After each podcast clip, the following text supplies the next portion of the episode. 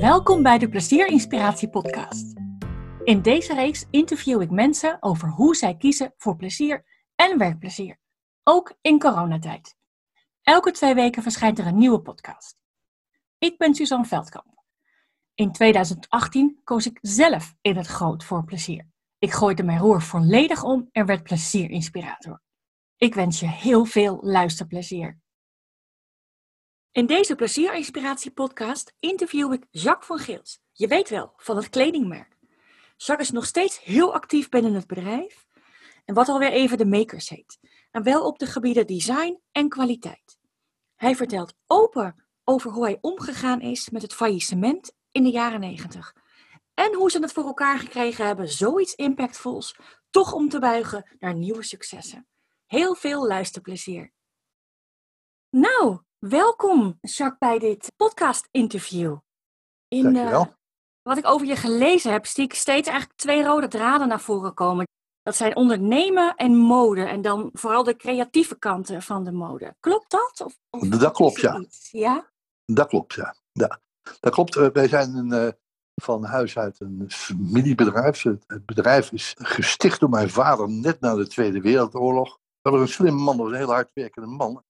Hij begon met, met fietsen te maken, is uiteindelijk kleermaker geworden samen met zijn, met zijn uh, oudste broer. Zijn oudste broer was doofstom. En via een heel, heel lange weg is hij uiteindelijk uh, in de confectie gegaan. Is hij eigen bedrijven begonnen net na de Tweede Wereldoorlog. Hij had een bijzondere interesse in, in de jeugd, in de oorlogse generatie.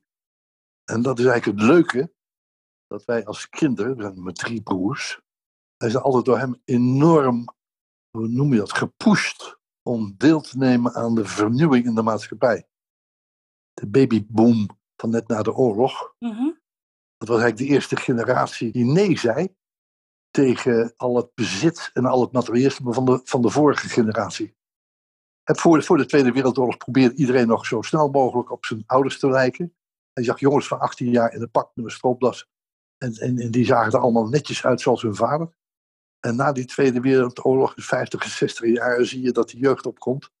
En kiest voor eigen muziek, kiest voor eigen literatuur, kiest voor een eigen politieke benadering.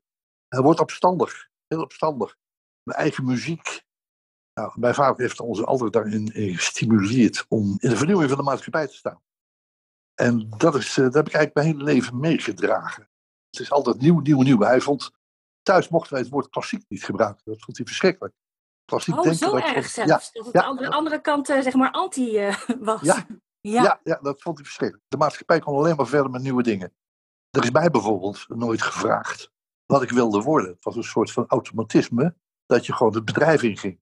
Hij had een groot modebedrijf inmiddels opgebouwd. Dat heette Gebroeders van Geels eerst. En, en naar de hand heette dat Van Geels. Er was nog geen consumentenmerknaam. En hij, uh, hij was een van de eerste die, uh, landen ging produceren. Hij, hij, realiseerde zich van god, als je, als je mode voor jonge mensen wil brengen, dan moet je dat vooral betaalbaar houden. Dus als een van de eerste is hij buiten Nederland en België gaan produceren, omdat de productiekosten voor kleding hier veel te hoog waren. Dan kon je niet meer betaald krijgen, wilde hij althans jonge mensen bereiken. Maar niet ten koste van de kwaliteit, toch, van de kleding? Absoluut niet. Juist, nee. hij zei, je wil juist hoge kwaliteit, de enige waarom dat je naar lage loonlanden moet gaan, is vanwege die lage lonen. Voor de rest moet je alles intact houden. Hè. Je moet een bedrijf ook beginnen zoals je het hier in Nederland en België gewend bent. De mensen moeten een, een pensioen krijgen, de mensen moeten verzekerd zijn. Hè, dus identiek. Ja. Toen is hij zo begonnen in het buitenland. En ik na mijn middelbare schoolperiode ben samen met mijn twee broers eh, naar New York gestuurd. In 1969 was dat om een opleiding te krijgen aan het eh, FIT, het Fashion Institute of Technology. Nou, toen was ik 18 jaar, dat was bepaald geen straf, want dat was het hoogtepunt van de hippieperiode. Nou, dat was natuurlijk één groot feest in New York. dat was echt één groot feest. Ja, de muziek, hippies, de pil was uitgevonden intussen. Ja, het barstte los van de energie, de pop-art kwam los, alles gebeurde daar. Je zat in het centrum van de wereld. Nou, dat, dat was natuurlijk top dat vernieuwen, hè, dat wat in ieder geval eh, ja, vanuit je vader zo uh, doorgegeven werd, is dat ook wat jou drijft als mens? Of is dat Zeker. Nee, zeker. zeker. Het, het, het nieuwe boeit me altijd. Ik vind ook dat je als ondernemer op een gezonde manier heel nieuwsgierig moet zijn. Heel nieuwsgierig moet zijn wat, wat zijn de ontwikkelingen. Bijvoorbeeld als ik naar een stoffenbeurs ga hè, om een collectie te maken, dan staan daar misschien wel in Parijs 2000 stoffenfabrikanten. En zo'n beurs duurt drie dagen. Ik loop echt rond daar op die stoffenbeurzen te kijken, te kijken, te kijken, samen met mijn mensen over. Met een designer en, en de stoffensourcer, eh, hoofdinkoop. En dan gaan we echt alle steentjes in. Zelfs van stoffenfabrikanten die we niet kennen. Maar je moet nieuwsgierig zijn. We willen nooit verrast worden. Als ondernemer mag je nooit verrast worden. Je moet weten wat er aan de hand is. Je moet je breed oriënteren. Zeker in het modegebeuren. Dus als ik naar een, een, een stad ga, of het nou New York is of Shanghai, dan wil ik ieder winkeltje zien. Dan wil ik niet de twee beste zien. Nee, dan wil ik alles zien. En dan is voor mij ook belangrijk hoe het allerhipste restaurantje eruit ziet. En hoe het hipste hotelletje eruit ziet. Dat heeft allemaal met, met, mode, en met, met mode en met smaak te maken. Dat is één groot geheel. Dus eh, ja, die nieuwsgierigheid, die moet je als ondernemer hebben. Zeker in dit vak. Ja. Welke rol heb jij op dit moment in eh, het bedrijf wat inmiddels de Makers heet? Of inmiddels alweer even. Ja, eh, het, heet de Makers. Welke rol heb ik in het bedrijf? We zijn met, met drie broers. De oudste, Alben, die heeft de rol als CEO. Die stuurt het bedrijf aan. Ja. Ik zelf doe alle marketing. Voor zover wij aan marketing noemen. Want we zijn niet echt een consumentenmerk meer nu. Ik ben verantwoordelijk voor alles op het gebied van design. Design en kwaliteit. Oké. En mijn jongste broer, die, want we hebben een, een, een groot productiebedrijf in Marokko. Daar met 1300 mensen. En eh, ieder van ons zit één week minimaal in Marokko om, om in dat bedrijf te zijn. Samen met eh, waar al onze kleding geproduceerd wordt. Nou, en, en ieder heeft daar zijn specialiteiten wel. En mijn, mijn jongste broer is op het gebied van organisatie, op het gebied van logistiek, op het gebied van financiën. Kijkt hij naar dat bedrijf. Mijn oudste broer die heeft een, eh, een overal visie. En ik ga met name daar een, week lang kwaliteit kijken. Met die mensen kijken, hoe kunnen we het verbeteren? Hoe kunnen we stabiliseren? En En- dus, dus je antwoord op jouw vraag, eh, wat ik doe. En wat ik doe, ik hou me bezig met de vernieuwing, met het innovatieve. En dat is niet alleen met nieuwe modellen, maar ook op het gebied van kwaliteit. Op het gebied van, van communicatie. Dat is, dat is het, het hele bedrijf. Inmiddels is ook de derde generatie van Geels actief, toch? Ja. Waar ik nieuwsgierig naar ben, is. Dit is dan nu de derde generatie. Ik weet niet of de vierde generatie ook al in aantocht is. Maar wat is het wat die drie verschillende generaties typeert als het gaat om ja, het ondernemerschap in de, nou ja, in de mode? Ik denk vooral met de paplepel ingegoten begrip kwaliteit, het begrip tailoring. Wij zijn echt mensen die formele confectie maken, eh, ook informeel. Maar we zijn geen mensen die ooit spijkerbroeken gaan maken, gaan jeans gaan maken. Dat doen we niet. Oké. Dus we zitten heel dicht op ons, op ons kernproduct, waar we goed in zijn. In het begin van de tachtige jaren, toen waren we zelfs nog eigenaar van het merk van Gils, dat je periode waarin de lifestyle gedachte voor een merk tot leven kwam. Daar zijn we zelf als eerste bij geweest. Eh, het merk van Gils met een lifestyle merk. En wat bedoelden we daarmee? Dat waren niet alleen kostuums en colberts. Nee, daar kwamen hemden bij, er kwamen stropdassen bij. Er kwam zelfs cosmetica bij onder het merknaam. Het oprekken van het merk, want het ging niet meer over dat ene kostuum, maar het ging over de totaliteit van het aanbod. En wij zijn nu juist wel helemaal andersom bezig. Wat ons, en dat zit echt door de drie generaties heen, datgene waar we echt goed in zijn, laten we daarop concentreren en daar nog beter in worden. En dat is dus het tailored product. Het kostuum, het betere kostuum. Zowel voor dames als voor heren. Ja, ik ben er eigenlijk helemaal teruggekomen van die lifestyle gedachte. Ik voor mezelf voorzie dat je een horloge wil kopen van een horlogebedrijf. Dat je een polo wil kopen van een polobedrijf. Dat je een hemd wil kopen van een hemdenspecialist. Dat je schoenen wil kopen van een echt schoenenbedrijf. En niet meer dat je van die algemene merken die alles aanbieden onder één merk en, en nergens echt specialisten zijn. Dat spreekt mij althans niet meer aan. Ja, ja.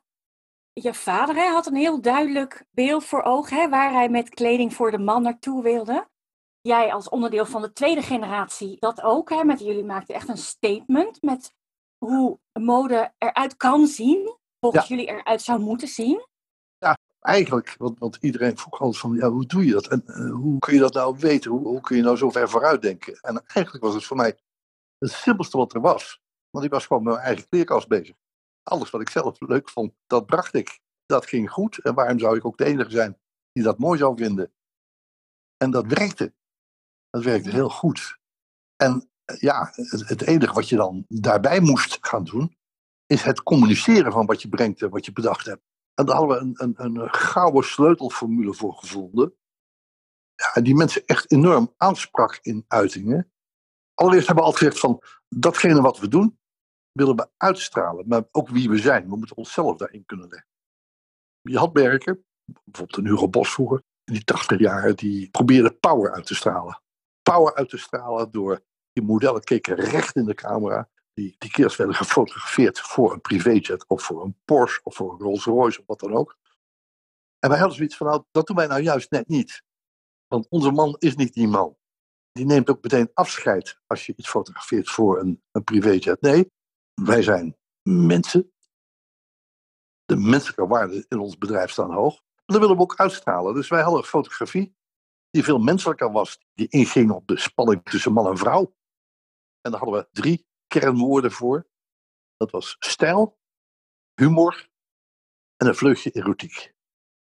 En dat zat eigenlijk dwars door alle campagnes heen. En daar straalden we mee uit wie we waren. En dat denk ik dat we nog steeds doen. Nog steeds doen in alles wat we communiceren. Rick Moorman, hè, die heeft bij jou in het bedrijf gewerkt, alweer even geleden. Ja. En, en wat hij van jou geleerd heeft en wat hij nog altijd gebruikt, komt van een uitspraak van jou. En die uitspraak is: vergeet niet dat wij er voor de mensen zijn. Ja, wij zijn er voor de mensen en de mensen zijn ons. Kijk, je hebt altijd gezegd, als je echt iets verandert in de wereld, moet je dat op straat kunnen zien.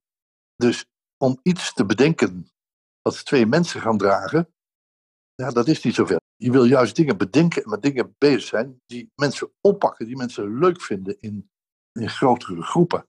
En daar werk je voor. En dat is hetzelfde in, in je bedrijf. De mensen staan centraal. Kijk, als ik veel verwacht van mijn mensen en ik wil die mensen de, de, de extra mile laten lopen, dan moet ik dat zelf ook doen. En die mensen doen dat enkel als ze zien dat ik ook met hun bezig ben en dat ik dat, dat zelf ook dat voorbeeld geef. En dat ik mezelf ook tot het uiterste ga. Dat ik ook het oprek. En dat ik ook ieder stofverstandje wil aflopen. En dat ik ook iedere winkel wil zien en me bezighoud met, met de vernieuwingen die we zien. Mensen, ja, daar heeft geen gelijk in. Daar geloof ik heel sterk in. Uh, En ik zou niet weten wat ik, hoe ik dat anders zou moeten doen. Want in, ik, ik heb ook hoogtepunten en dieptepunten gehad. Hè? En dan de Ja. dieptepunten, dan moet, je, dan, moet je, dan moet je echt kracht krijgen om, om dag en nacht er tegenaan te gaan.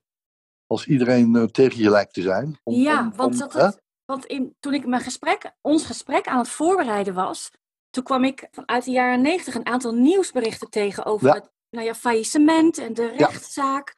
Oh, dat wist ik helemaal niet. Natuurlijk ken ik het merk van Geels, maar dat wist ik niet. Maar ik Nee. was toen ook, ik was ongeveer twintig en blijkbaar niet daarin geïnteresseerd. Ja. Maar als mijn naam daar zou staan, dan zou dat me echt raken. Hoe ben je daar toch mee omgegaan als mens? Nou, alle, kijk, dat is natuurlijk vreselijk als je dat overkomt. Hè? Ja, Eh, Vreselijk. En, en, en heel kort, hoe is het zover kunnen komen? Eh probeer dat heel kort samen te vatten. Het merk van Gils, zoals wij het toevoerden, is vanuit zo'n enthousiasme kapot gegroeid. Wij, wij waren bezig met het uitbouwen van dat merk over de hele wereld. Wij gingen dat Ja. merk in de hele wereld. We zaten toen op een omzet van 100 miljoen gulden in het merk. We waren aan het uitbouwen, aan het uitbouwen. Het kon niet op. het ging heel Eh, snel ook, of niet allemaal? Ja, het ging Ja. heel snel. Als drie broers waren we daarmee bezig. We hadden wat buitenstaanders ingehuurd die de, de, de financiën voor ons zouden doen. Wij hebben daar niet op gekeken. We hebben daar niet serieus op eh, gelet. Wij dachten, en, en achteraf is dat natuurlijk ontzettend stom. Wij dachten dat we beschermd waren. We dachten dat eh, de, accountants ons wel zouden waarschuwen. Als het allemaal niet, eh, Mhm. niet zou kloppen. Nou, er, er waren een aantal dingen die gewoon fout zijn gegaan. We zijn veel te hard gegroeid. En zonder de financiële kracht te hebben om dat allemaal te financieren, nou, dan kom je op een gegeven moment in een liquiditeitsprobleem. Nou, in die jaren, in 92, waren er heel wat conflicten in de markt. En ja, een, een bankenconflict kwam er. En die heb je laten vallen. Nou, dan, dan, dan ga je dus, dan sta je erbij en dan zie je, Ja, dan kijk dat je bedrijf. dan. Ja, dan kijk je daarna. Ja, en dan, hoe ga je er dan mee om? Ja, wij als drie broers hebben toen besloten dat we altijd bij elkaar zullen blijven. Maar we zijn alle drie wel iets specifieks gaan doen. Ik ben op zoek gegaan om het, om het merk terug in de markt te gaan zetten. Want ik was veel te trots op dat merk. Dus ik heb een overnamekandidaat gevonden. een Engels bedrijf waar ik ook dan weer aandelen in kreeg. En we hebben het merk, in juli 92 is het kapot gegaan en in november 92 stonden we er weer. Oh, wat een enorme drive, of niet? Ja, ja. Maar antwoord op je vraag, hoe gaat het mee om? Ik ben begonnen om die krantenartikelen nu te lezen. Oh, oké. Want, Oh, ja. want als jij weer iets terug moet opbouwen en, Ja. en je leest alleen maar in de krant die, die vreselijke verhalen. En ik, ik kreeg ook s'avonds telefoontjes van eh, ja, journalisten met vooringenomen standpunten. En dan, ik weet nog goed, de Volkskrant op een gegeven moment belt mij op. En die zegt, wat vond u van ons artikel gisteren? Ik zeg, meneer, ik heb uw artikel van gisteren niet gelezen. Heb ik niet gelezen. Maar als u mij nu belt om mijn woord te vragen over een artikel van gisteren, dan bent u volgens mij een slechte journalist en heeft u niet opgelet op school. Want u behoort weer, hoor, wederhoor te doen en niet achteraf Ja. mij even te vragen wat ik ervan vond. Ja. En zo zat ik toen ook in die wedstrijd. Ik moet me niet eh, laten, laten opnaaien door, door journalisten die alleen maar ja, de negatieve kant. Ik, ik ben bezig met de positieve kant. Ik, wij gaan terug ons bedrijf opbouwen. Ja, Maar dat is wel makkelijker gezegd dan gedaan. Ja, ja dat is gewoon, ja, Suzanne, dat is gewoon keihard werken.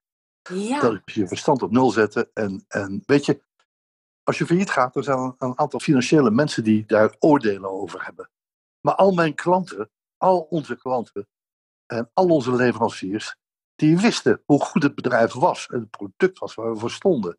ja. en- Toen we terug op de markt kwamen, zei ik hier, nou wat fijn dat jullie er weer zijn. Maar we hadden er ook alle vertrouwen in dat jullie terug zou, ko- zou kunnen komen. En ja, ik weet nog goed dat ik tegenover een curator zat. Nee, trouwens, dat was geen curator. Dat was een, een, eh, iemand van de bank, ja. En zei, ja, u zult nog met weinig door kunnen gaan. Ja, meneer. Maar één ding, alles wat in mijn hoofd en wat in mijn handen zit, mijn kennis over dit vak, dat heeft u niet. Daar kunt u niks mee. Daar kan ik alleen zelf wat mee. En wij als drie broers, met onze kennis en met onze, Ja. met onze doorzettingsvermogen en met onze ambities, zijn we aan de slag gegaan. En we zijn keihard gaan werken. En het bedrijf staat er nu weer. Het bedrijf Ja. staat er weer. Met Ja. 1300 mensen, we maken 1300 kostuums per dag. Ook daar zijn, gaan we continu met de tijd mee. Goed voorbeeld daarvan is, een, een jaar of tien geleden eh, zijn we overgestapt op maatkleding. Oudste broer van mij die, die, die kwam van, god joh, kunnen we dat nou niet eens kijken, maatkleding, eh, hè, toch individuele kostuums kunt gaan maken voor mensen. Misschien is dat wel een markt. Daar zijn we mee begonnen, heel klein. ja, want met de makers leveren jullie eigenlijk alleen aan kledingmerken, toch? Dus niet Ja, meer wij- naar de consument. Ja, Wij produceren voor, voor Ja, wereldmerken, echt Ja. hele mooie merken, grote merken, bekende merken, superbekende merken, wereldmerken. En we produceren voor maatkleding voor, laten we zeggen, voor retailers. Zoals Ja. Rick. Zoals ja. Die verkoopt zoals Society Shop in Nederland. En dat is een heel, heel belangrijke stap geweest dat we maatkleding zijn gaan maken. Dat we dus, je moet je voorstellen, een bedrijf met 1300 mensen, waar je, waar je, waar je 13 tot 1500 kostuums per dag maakt, ga je individuele stuks maken. Nou, we hebben dat Ja. helemaal geautomatiseerd. We hebben het helemaal gedigitaliseerd. Heel veel mensen hebben de indruk altijd dat er allemaal kleermakers rondlopen. Dat is totaal niet waar. Dit is een, een supermodern bedrijf waar nog veel met de hand gedaan wordt. Maar alles wat geautomatiseerd kan worden, ja. dat automatisch, zo het maken van patronen, de hele productievoorbereidingen, dat wordt allemaal digitaal gedaan. En op zo'n manier dat we nu in staat zijn om individuele kleding in twee weken tijd voor mensen te gaan maken. En waarom is dat nou zo belangrijk? Omdat in die kledingbranche, zeker nu in deze tijd, alle kledingretailers, wij zijn door de financiële wereld als melaats verklaard.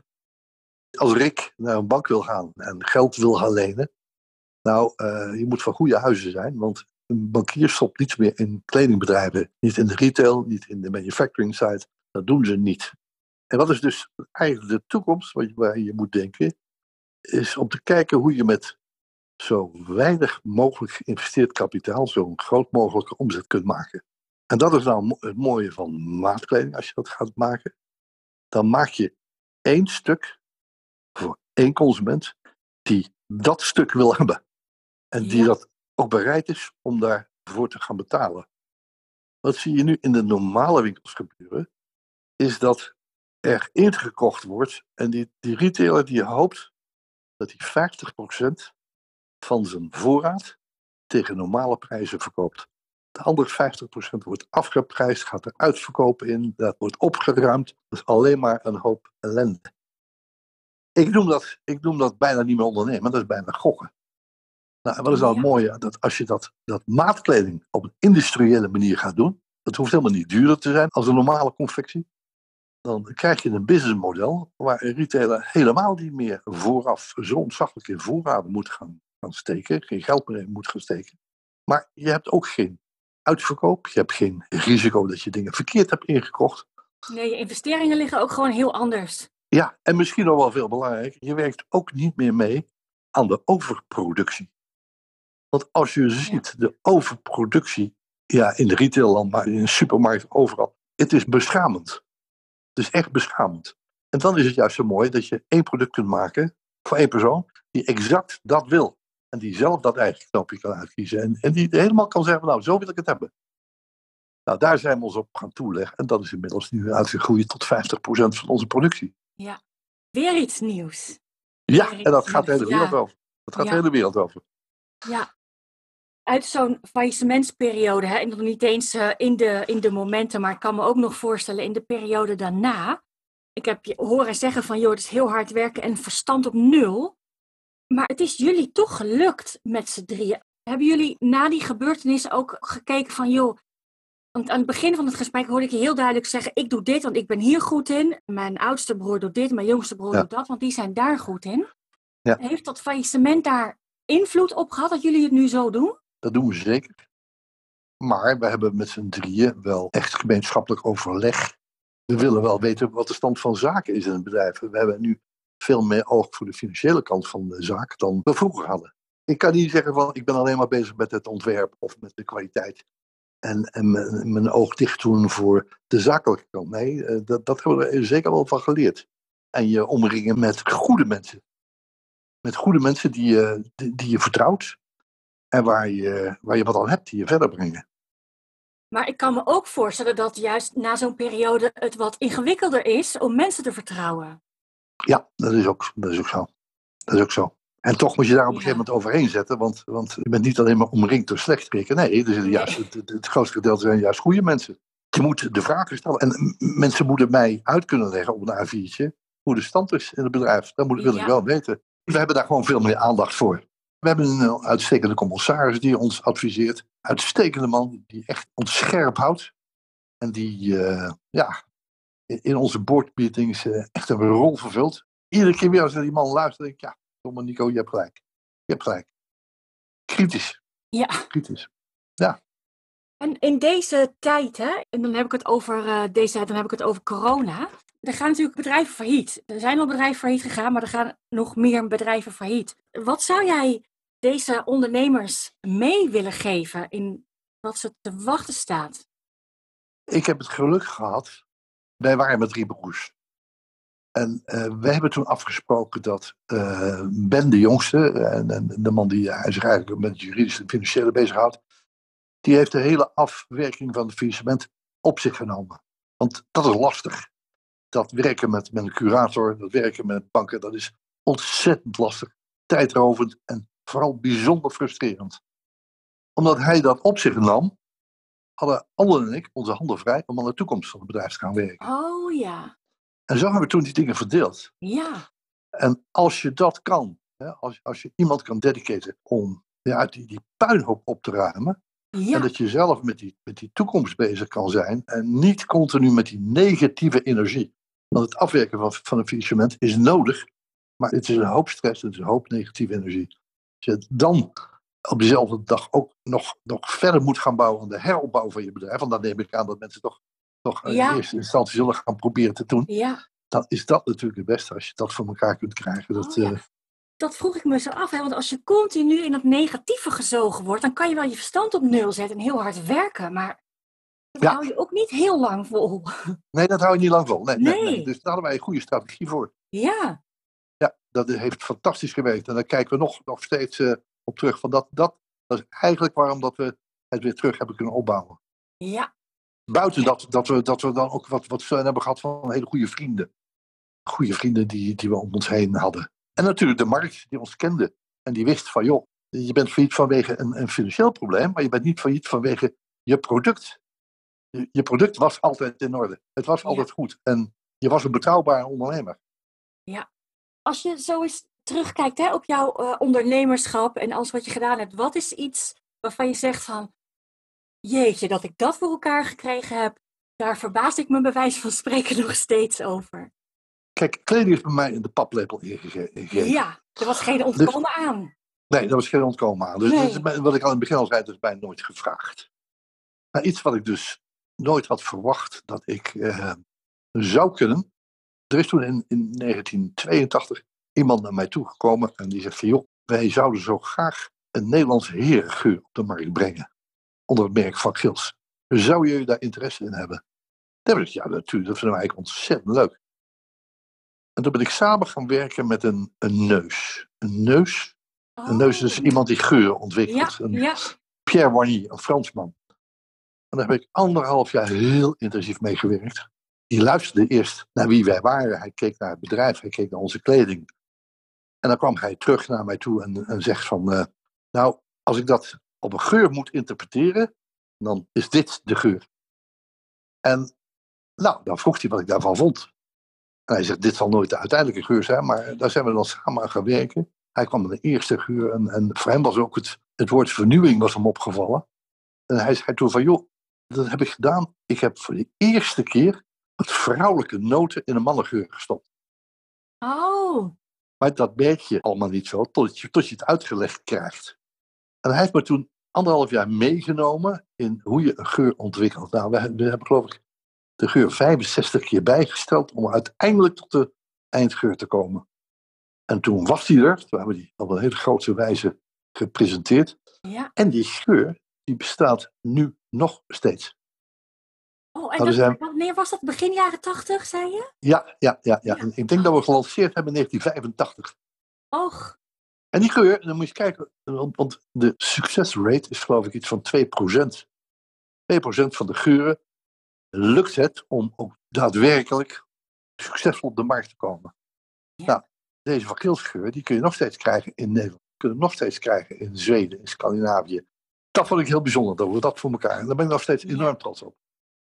als je zo eens in je hart kijkt, hè, want we begonnen het gesprek met ondernemen en de mode en dan met name de creatieve kant van jou. Waar ligt jouw hart meer? De creatieve kant. Zeker. In de creatieve kant. Maar ik, ik ben, weet je, ik ben niet van het type. Kijk, je hebt dichters die bijzonder trots zijn dat ze maar 3000 boekjes verkocht hebben, omdat, ze, hè, omdat ze dan zo elitair zijn. Dus heb je ook ontwerpers die heel blij zijn dat ze maar heel exclusief zijn en dat ze maar vijf jasjes van een bepaalde soort verkopen. Nou, zo, zo ben ik dus niet. Nee. Ik vind het juist leuk om dingen te maken of te ontwerpen of, of te produceren voor grote groepen. Ja. Ik vind het juist een compliment als je datgene wat je ontworpen, als je dat ook echt terugziet in het straatbeeld. Dat vind ik juist ontzettend leuk. De kracht van een merk is de, de relatieve grote verkrijgbaarheid. Hoe moet ik dat nou zeggen? Ehm, er zijn heel veel mensen die denken van ja, iets heel exclusiefs, dat is krachtig. Nou, ik vind dat minder. Ik vind juist als iets redelijk groot verkrijgbaar is, dan, dan is de kracht het merk. Nou ja, in het begin legde je het uit als zijnde een stukje van de wereld veranderen. Dat lukt beter op deze manier, zeg Ja, maar. De ja, aanpak die zoals jij die hebt. Ja, en dat heeft natuurlijk ook te maken omdat wij toch ook wel industrie zijn. 1300 of 1500 kostuums Ja. per dag. Dat is geen kattenpis. Dat is, dat is echt een hele sloot. Dus 4000 meter stof per dag wat er doorgaat. Want waar ik ook nog wel nieuwsgierig naar ben, van jongs af aan was al duidelijk wat je zou gaan doen. Ja. Heb je daar wel eens over gedacht Ja. nou ja, het is allemaal leuk en aardig, maar dat ga ik niet doen? Nou, nee, ik vertellen hoe dat gegaan is. Dus na mijn opleiding in New York heeft mijn Ja. vader me eerst naar Malta gestuurd. Nou, Malta is in 1971, als er één contrast bestond, was het New York en Malta. Malta, dat werd nog, eh, bestond nog onder regie van de aartsbisschop. En als ik, eh, want ik had een, een leuk huis, als ik daar meisjes op, in bikini op mijn terras had, dan sprak het hele eiland daar schande over. En tot zelfs meisjes in het bedrijf moesten ontslag nemen van hun ouders, want ik was dan eh, maar een, een, een hippie. Dus dat was een enorme omschakeling. Maar ik moest daar een productiebedrijf van de grond trekken. Toen ik daar kwam, zaten we met 50 mensen. Twee jaar daarna, toen ik daar wegging uit Malta, zaten we met 500 mensen. Toen ben ik in Portugal in de productie gaan werken. In een bestaand bedrijf van mijn vader. En daarna ben ik in Parijs gaan wonen om het merk van Gils in Frankrijk op te zetten. Oké. En nu praten we in de 70 jaar. In 1978 is mijn vader zwaar ziek geworden. En mijn twee broers en ikzelf zaten alle drie in het buitenland. Nou, ik woonde in Frankrijk. En het was het meest logische dat ik dan terug naar België ging. Om, omdat mijn vader gewoon niet eh, in staat was om, om bedrijf te leiden. Maar mijn vader was met name de, de, ook de creatieve man in het bedrijf. Hij was een zakenman tot en met, maar hield zich, eh, zijn hart lag echt bij, bij het modeverhaal. En toen ben ik daar bijna zo ja, vanzelfsprekend ingerold. Iemand moest dat gaan doen. Daar had ik zelf ook nog nooit aan, aan, gedacht. Maar er zaten een aantal mensen. Er zaten mensen die stoffen ontwierpen. Er zaten mensen die modellen ontwierpen. Nou, daar ben ik in gaan zitten met dat team mee gaan draaien. Mee gaan werken. En uiteindelijk op een ja, redelijk natuurlijke manier heb ik daar uiteindelijk de leiding van, over, van overgenomen. Ja. En dat, uh, ja, dat is echt vanzelf gegaan. En ik ben dat ook al met heel veel plezier blijven doen. Ja, ik denk niet dat je met zoveel energie en passie erin zou kunnen werken als het je helemaal niet zou liggen. Ik kan me ook voorstellen dat je ja, toch een andere, iets anders voor jezelf had bedacht, zeg maar, in plaats van... Nou, wat ik vroeger wilde, dat, dat, was, dat kwam gewoon niet in vragen, was ik had architect willen worden. Oh. Dat de jonge uh, jaren in mijn hoofd, dat vond ik leuk, maar daar zijn we gewoon niet aan toegekomen. En ik heb ook geen minuut spijt van hoor, want dit, dit doe ik nog steeds met heel veel plezier. Ja, anders had je al wel een keer kunnen stoppen, toch? Anders had ik zeker wel een keer kunnen stoppen, ja. Nee, maar we blijven dit, we blijven dit doen. En ik, en ik vind niks leuker dan met jonge mensen te werken, jonge mensen te inspireren. Ik daag altijd jonge mensen uit om met mij eh, een, een reisje door de stad te maken en winkels te bezoeken. Ik loop ze er nog steeds uit. Oh. Nog steeds, nog steeds. Leuk, dat vind, ik een, dat vind ik een leuke afsluiting ook. Ik ga je nog twee vragen stellen. Een praktische en nog een andere vraag. Waar kunnen mensen jou vinden online? Online kunnen ze mij vinden bij De Makers, dat is het bedrijf wat, wat, we nu hebben. Ja. En je kunt mij daar uh, heel gemakkelijk, want ik ben uh, heel toegankelijk. Mijn naam is Jacques van Gils. En het e-mailadres is jacquesvangils.demakers.nl. Dus ja. de, het Engelse de, T-H-E en makers.nl. Ja, dankjewel. Dan nog een allerlaatste vraag. En we hebben het er nou ja, net heel even kort uh, over gehad, hè, over de tijd waarin we nu leven met corona en alle Ja. maatregelen daaromheen. Er zijn er heel veel dingen veranderd in de wereld door corona, maar er zijn ook positieve veranderingen in deze tijd. En wat zie jij in deze tijd als een positieve verandering die je ook graag na afloop van corona terug zou willen zien? Nou, dat weet ik wel, ja. Dat weet ik wel. Als eerste, waar ik eigenlijk blij om ben, is dat dat massatoerisme verdwenen is. Oké, ja.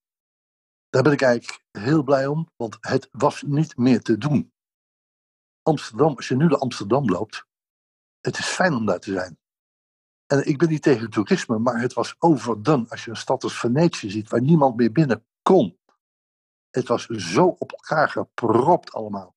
En er zijn genoeg andere manieren om dingen te bezoeken of om, om dingen te willen zien. Maar ik vond dat een plaag geworden. Dat nummer één. Nummer twee, waar ik ook altijd een enorme hekel aan heb, heb gehad, is de oppervlakkigheid van het kussen. Het altijd maar als je mensen tegenkomt, als ik naar de golfclub kom en ik golf dan in België, en daar heb je de gewoonte dat iedereen elkaar kust. Hallo, hoe is het? En maar kussen, kussen, kussen. Daar heb ik altijd een bloedhekel aan gehad. en dat is nu verdwenen. Dat doet niemand meer. Nou, ik kus iemand pas op het moment dat je je verbonden voelt. En dat je elkaar al stukken beter kent. Ja, als je met elkaar verbonden voelt, geef je elkaar kus. Na twee keer iemand gesproken hebben, dan meteen te beginnen zoenen. Ik had er een enorme hekel aan. Dus ik hoop dat dat zo blijft. Ja, en, en voor de rest, ja, hoop ik dat, dat het, het nu dan toch ook een, een nieuwe beleefdheidsvorm is geworden. En om als, als je ziek bent of je hebt griep, om dan ook inderdaad niet meer naar je werk te komen. En vroeger was het altijd van stel je niet aan, stel je niet aan, Ja, je, kan, je kan toch best naar je werk gaan. Nee, je kunt nu thuis werken, dus als je griep hebt, wees dan verstandig en, en doe een mondkapje voor. En probeer het bij jezelf te houden en niet te verspreiden. Ik hoop dat dat een soort van, van, van nieuwe beleefdheid wordt. En dat we elkaar ook weer respecteren. ja. Ik heb er zelf aan meegedaan hoor. Ik heb er zelf aan meegedaan. Niet flauw zijn en gewoon gaan werken. ja, gewoon maar doorgaan en uh, groot Ja. doen. Ja, ja, Maar daar, daar denk ik nu anders over. ja. Ja, ik denk vast wel meer mensen. Ja, Ja, ik hoop het. Ik ja, ik hoop het ook, ja. Dankjewel, Jacques, voor dit interview. Nou, eh, geen dank. Heel graag gedaan. En dan nu de drie tips die ik tussen de woorden van Jacques door gehoord heb. Nummer 1. Wees op een gezonde manier nieuwsgierig. Zo word je nooit verrast.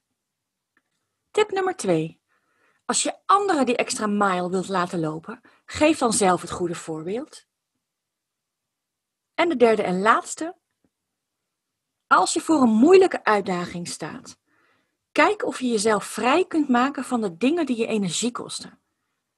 Zodat je zoveel mogelijk vanuit positieve energie jezelf kunt richten op wat je nu te doen hebt.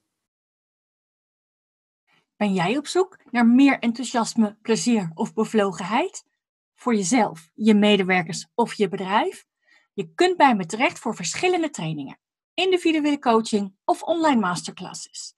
Je vindt het hele aanbod op suzanneveldkamp.com met een D. Dag!